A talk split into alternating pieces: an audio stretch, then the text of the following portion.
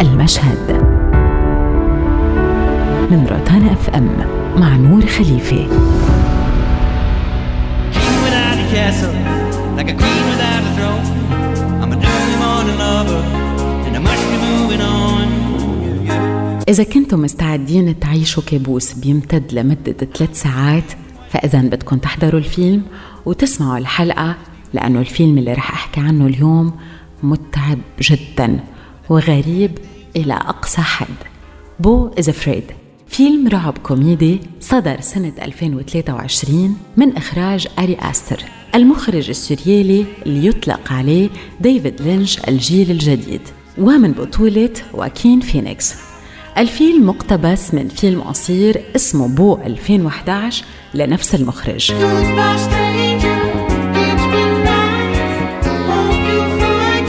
بعد مشاهدة الفيلم وصف المخرج الكبير مارتن سكورسيزي أري أستر بأنه أحد الأصوات الجديدة الأكثر استثنائية بعالم السينما. وأضاف تمنيت أن الفيلم أطول عشرين دقيقة أخرى.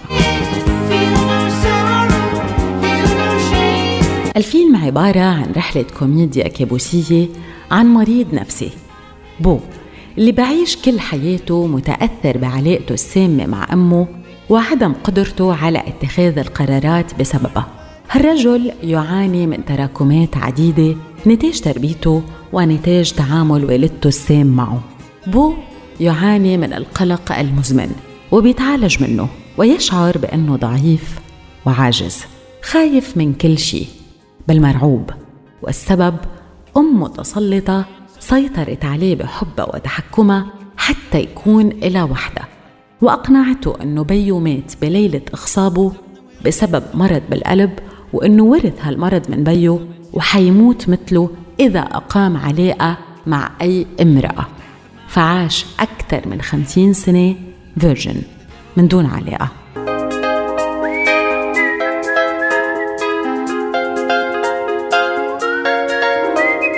تنطلق الأحداث مع مشهد ولادة بول غريب. وما بنسمع صرخته بل بنسمع صراخ الأم اللي عم تسأل الحكمة إنه ليش ابنها ما بكي لهلأ. وهون من البداية فينا نكتشف إنه هالرجل حمل الخوف والسيطرة من لحظة ولادته. من بعدها بننتقل لمشهد بيجمع بو مع معالجه النفسي. ومنكتشف انه أبوه ما التقى بوالده ابدا وبيحكي الطبيب إنه لازم يروح يزورها بذكرى رحيل والده. وبنشوف انه الطبيب سجل على ورقة ملاحظاته كلمة ذنب guilt. وكأنه عم يحطوا اتيكات ببداية الفيلم على أبوه بإنه مذنب.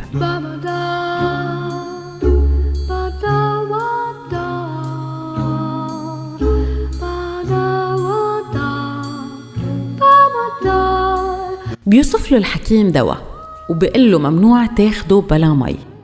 بيطلع من عند الطبيب ويدخل إلى شارع غريب جدا. هون بعيش بو. عالم من الفوضى.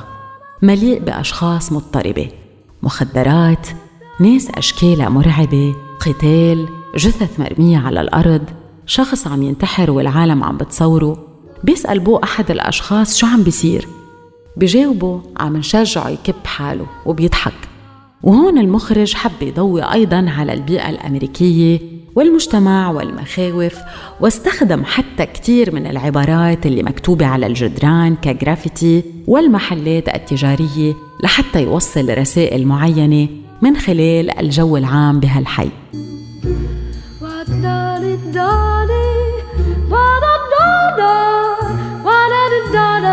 بيدخل بو إلى شقته وبحاول ينام إلا أنه بيتفاجأ برسالة من تحت باب بيته من أحد جيرانه عم يطلب منه أنه يوطي صوت الموسيقى مع أنه بو ما مشغل موسيقى أصلا.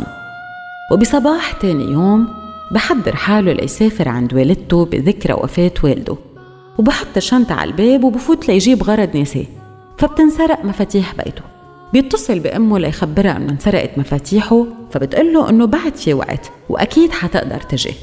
بقول لها شو المناسب وشو لازم أعمل؟ بتقول له أنت لازم تاخد القرار وتعرف شو اللي لازم إنك تعمله.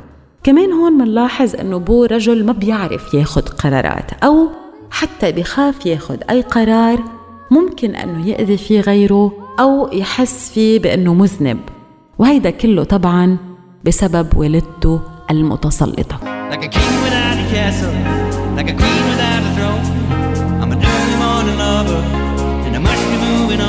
بيتذكر بو إنه أخذ الدواء بلا مي.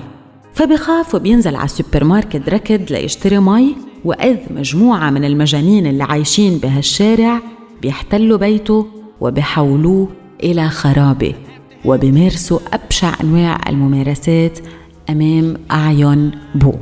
يعاود الاتصال بأمه فبرد رجل غريب بيقول له إنه تريا وقعت على رأس أمه وماتت.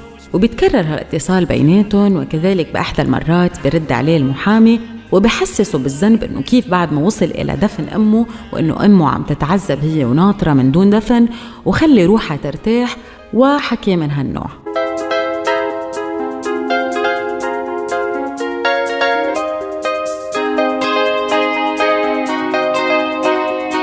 بيهجم عليه أحد الأشخاص وبيطعنه وهو هربان بيدهسوا شخص بالسيارة كان مع زوجته وبياخدوه لعندهم على البيت حتى يهتموا فيه ويعالجوه. بالأول هالبيت بيوحي لنا بالأمان والحب والطمأنينة وهون العيلة كمان تمثل الحلم الأمريكي اللي قد يبدو مثالي ولكنه مليء بالإضطرابات والمشاكل. رجل وامرأة بعيشوا مع بنتهم المراهقة المضطربة آه، صاحبة الأفعال الغريبة. وشاب أيضا بعيش معهم بالبيت. هو محارب قديم ضحية حرب. كان صديق ابنهم اللي مات بالحرب ومجرم. فأصيب بصدمة نفسية وعاش عندهم بالبيت وبيهتموا فيه. فكمان هالبنت والشاب بيتعرضوا لأبوه بأقصى أنواع التحكم والعنف. البنت بتطلب منه أنه يعمل قصص غريبة وبتصوره. وبأحد المرات بتطلب منه أنه يشرب الطلاء أو الدهان تبع الحيطان فما بيقبل فبتشربه هي وبتنتحر الأم تغضب وبتعتبر أنه بو هو المسؤول عن موت بنتها وبتصير تأنبه You first. You me. I have videos of you. I'll post them. I'll say what you did. What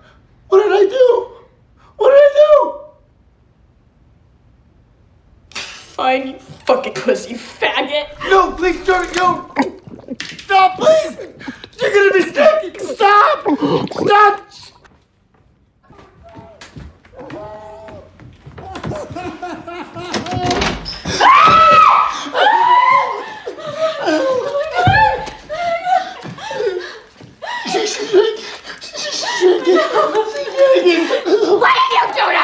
بيهرب بو وفجأة بيلاقي حاله بغابة. وهون بيلتقى بامرأة حامل.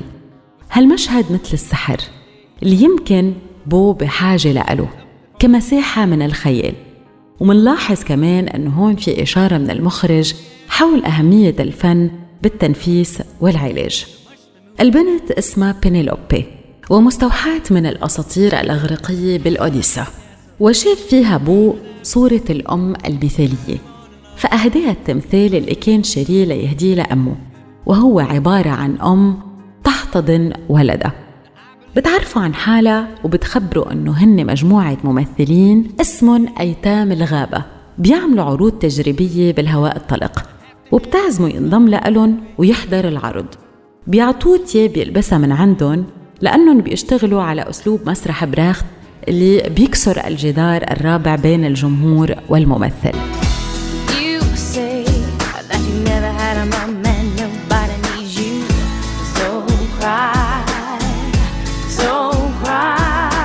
فبيشوف بو بالبطل الحياة المتخيلة اللي بيتمنى أنه يعيشها وبيتماهى مع القصة وبحط حاله محل البطل ويذهب بخياله ليخلق حياة كان بيتمنى أنه تكون حياته أنه يكون عنده عيلة وإستقرار وأنه يجيب أولاد. وبأحد المشاهد بنشوفه كمان عم يقطع السلاسل اللي رابطينه بإجريه كإشارة إلى الانعتاق من التحكم والسيطرة عند والدته. يعني كان بيتمنى أنه يكون جزء من هالمسرحية. المهم فجأة الشاب المحارب المضطرب اللي خبرتكم عنه بيلحق ببوه وبيلقي قنبلة مكان المسرحية. ينجو بوه وبيلاقي شخص بياخده على مكان دفن والدته. مونا وارسمان You gave my life to me, set me free, set me free. المفاجأة هون؟ أنه الأم منا ميتة وإنها قامت بتزييف وفاتها لتشوف قديه بحبها وشو حيعمل أمام هالخبر؟ وخططت لك كل الأحداث مع كل الأشخاص اللي ظهروا بحياة بو لحتى يتأخر على الدفن ويحس بالذنب. يعني المخلوقة تتغذى على تحسيسه بأنه مذنب. نكتشف كمان أنه كانت متفقة مع حكيمه النفسي وإنها على اطلاع بكل تفاصيل حواراتهم وجلساته العلاجية. يعني عري نفسي وخجل ومشهد قاسي جدا هي وعم تبث تسجيلات الجلسات العلاجية لأبوه. منكتشف كمان أنه العائلة اللي دهسته واحتضنته هن موظفين عندها تم تعيينهم لتتحكم فيه وبحياته. إذا بتشوفوا الفيلم حتلاحظوا إنه في لوجو ام دبليو اسمها مونا وورسمان. مطبوع على كل شيء. على علبة الأكل. على سوبر ماركت يعني برمزية إنها متحكمة بكل حياته. طبعا ما منعرف إذا هالشي حقيقي أو متخيل من بو. لأنه بو شخص يعاني من قلق واكتئاب وإلى آخره. فأما كل شيء مخطط له من قبل الأم أم أنه الموضوع كله رحلة نفسية من خياله؟ والأرجح أنه مزيج ما بين واقع وخيال. وطبعا الفيلم سوريالي. فالقرار يعود للمشاهد وإحساسه بشو بيشوف بالفيلم.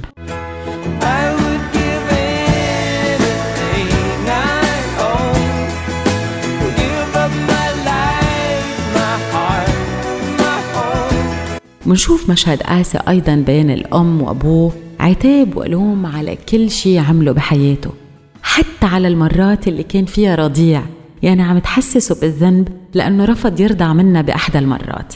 مشهد ساخر وقاسي جدا بنفس الوقت. بيخنق أبوه أمه فتقع بالحوض وتموت وهون مننتقل لمشهد المحاكمة. منشوف بو بزورق بقلب كهف. عم يحاول يدافع عن حاله بوجه المحامي وشبح والدته وتأنيب وإلقاء الاتهامات عليه. بالآخر بينفجر فيه المركب وبيغرق وهون في رمزية كبيرة بالكهف اللي يرمز عند فرويد إلى رحم الأم وكأنه بده يرجع إلى الأمان اللي فاقده بحياته وهو يعني إلى رحم الأم. المي كتير متواجد بالفيلم نشوفه طيلة الفيلم. واللي يرمز بالسينما إلى الهلوسة والاكتئاب اللي بيعاني منها البطل. كتير رمزيات بالفيلم. حتى ما بننسى العناكب اللي شفنا تحذير منها على أوراق على آه، طرقات بالشارع اللي بعيش فيه بو. تحذر من وجود عناكب بالمنطقة. والعنكبوت عادة عند فرويد آه، يشير إلى الامرأة الغاضبة. بإشارة إلى أمه لبو كما تأثر الفيلم أيضا بعقدة أديب بأسطورة أديب حتى اللي بيو غاب عنه فقتله. تأثر أيضا بالأساطير اليونانية وكان قال المخرج بأحد لقاءاته أنه تأثر جدا بالأساطير اليونانية وكيف ممكن من وسط المأساة تخلق كوميديا.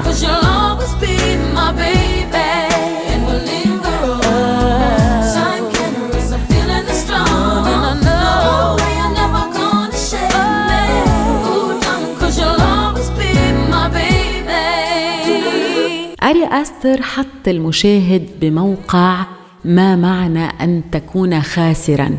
مثل شخصية بو. يمكن القصص بتضحك طالما عم نشوفها من بعيد ومش عايشينها. بس تخيلوا هالمأساة كلها مع القلق اللي عم بعيشه بو. ويمكن مثل ما حكينا إنه في أحداث طبعا واقعية بالفيلم وفي اسوة جسدية ونفسية تعرض لها البطل وفي آه، عنف من الخارج عم بيأثر عليه. ولكن لما شخص يعاني من قلق أو اكتئاب هالصور بصير فيها مبالغة بعقل الإنسان. يعني أي شيء بسيط بصير مخيف جدا. فهالواقع اللي بعيش فيه بو هو أصلا مريع. فكيف مع شخصية بو القلقة ومعاناته وعقدة الذنب؟ عملوا كل هالمأساة. يعني منشوف العالم أقسى مما هو عليه. وهيدا الشيء بصير وقت إنسان يعاني ما بيقدر يشوف الأمور بحجمها الطبيعي وبصير يحس أنه هالعالم كتير قاسي عليه. وقت نخاف بتصير الحياة حزينة ومخيفة ومنشعر بالعجز والضياع تماما مثل بو كمان وقت الإنسان يصاب بصدمة عميقة بحس وأنه الحياة مزيج بين حلم وواقع يعني يمتزج الواقع مع السريالية اللي تخيلها أستر مجازيا بهالقصة وقدر يجسدها فعليا يعني عن الأشخاص اللي ما بيقدروا يحافظوا على الحياة بمثل هالقلق والاكتئاب الناجم عن عذاب الآخرين. وبيشعروا وكأنه العالم بأسره هو بمثابة تهديد لألن ومستحيل أنه يقدروا يعيشوا فيه. إذا بدكم تشوفوا مشاعر على شكل إنسان يعني الخوف مثلا إذا بتتخيلوا له شكل طلعوا بواكين فينيكس بهالفيلم. إذا كان للخوف شكل وهيئة حيكون على شكل بو. بعيونه الضعاف جسده المكسور مشيته المتعبة نبرة صوته الرفيعة والقلقة صوته اللي بيرجف ألوانه القاتمة ولبسه المهلهل. Don't know what I'm talking about yet, but I'm gonna tell you soon. It's a pity. الفيلم أكيد رح يتعبكن ومع هيدا كله فهو لوحة فنية سوريالية رائعة ويمكن ثلاث ساعات وقت طويل رح يلهيكن عن كتير قصص ويفصلكن عن العالم الواقعي بس رح ياخدكن لمحل تاني حلو تروحوا عليه شكرا أري آستر شكرا واكن فينيكس وتبا لهذا العالم المريع. Goodbye, my Johnny, my darling. بودكاست المشهد. من روتانا أف أم مع نور خليفه